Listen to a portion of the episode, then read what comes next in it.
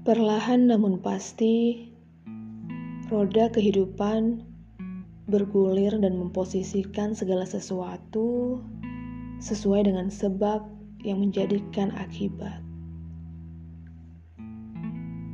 Tidak ada yang tidak adil dalam hidup. Hidup telah ditakar sedemikian rupa oleh sang pemilik hidup. Bagianmu takkan pernah menjadi milik orang lain, dan milik orang lain takkan pernah menjadi bagianmu. Sekarang pun, aku di sini adalah sebuah akibat dari goresan yang kupilih untuk kutuliskan dalam lembar kehidupanku.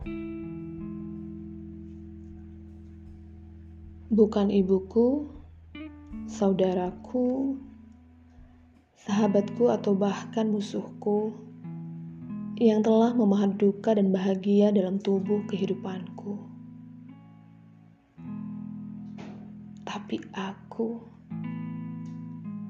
dengan kedua tangan dan kakiku sendiri, berkali-kali aku telah mencoba berkompromi dengan Tuhan memintanya mengeluarkan aku dari bagian yang kubenci dan memasukkanku, membiarkanku pada bagian yang kusukai. Menumpahkan segala alasan agar dia mengerti inginku. Memohon agar dia mengerti kelemahanku dan dengan ajaib memberikanku kekuatan tapi dengan segenap sadar yang tertimbun jauh di dalam ketidakpedulian. Mukjizat hanyalah milik sang utusan. Karomah hanyalah milik sang pencipta. Dan aku bukan salah satu dari keduanya.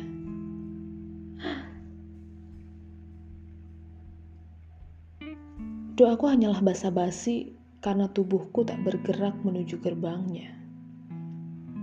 Hatiku hanyalah hamba sahaya yang mengerti doa, namun kemerdekaannya tertimbun oleh perbudakan dunia.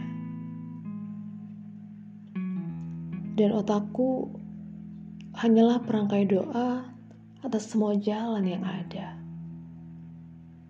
Ya, hanya sebatas itu.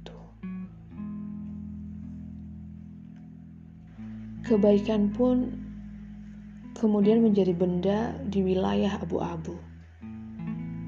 Begitu pintarnya setan memohon izin untuk meletakkannya di pusat semesta, hingga aku bisa melihatnya dari titik mana pun aku berdiri.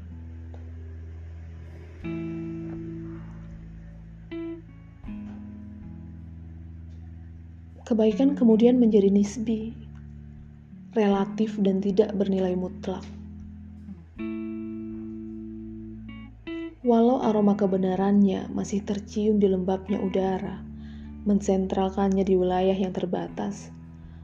Namun nyata-nyatanya kebaikan yang bernilai relatif itu lebih pekat dari kebenaran itu sendiri. Setan pun mulai berdiam diri. Pekerjaannya mungkin tak seberat dulu lagi bahkan mungkin tak pernah berat untukku.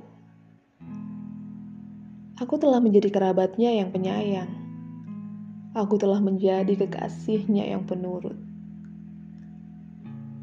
Kekinianku tak lagi membebaninya, dan kekinianku telah membahagiakannya.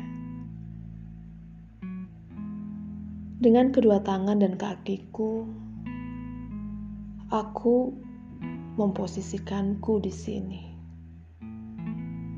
Di sini. Sementara roda kehidupan terus bergulir dan Tuhan tak pernah ingkar pada janjinya.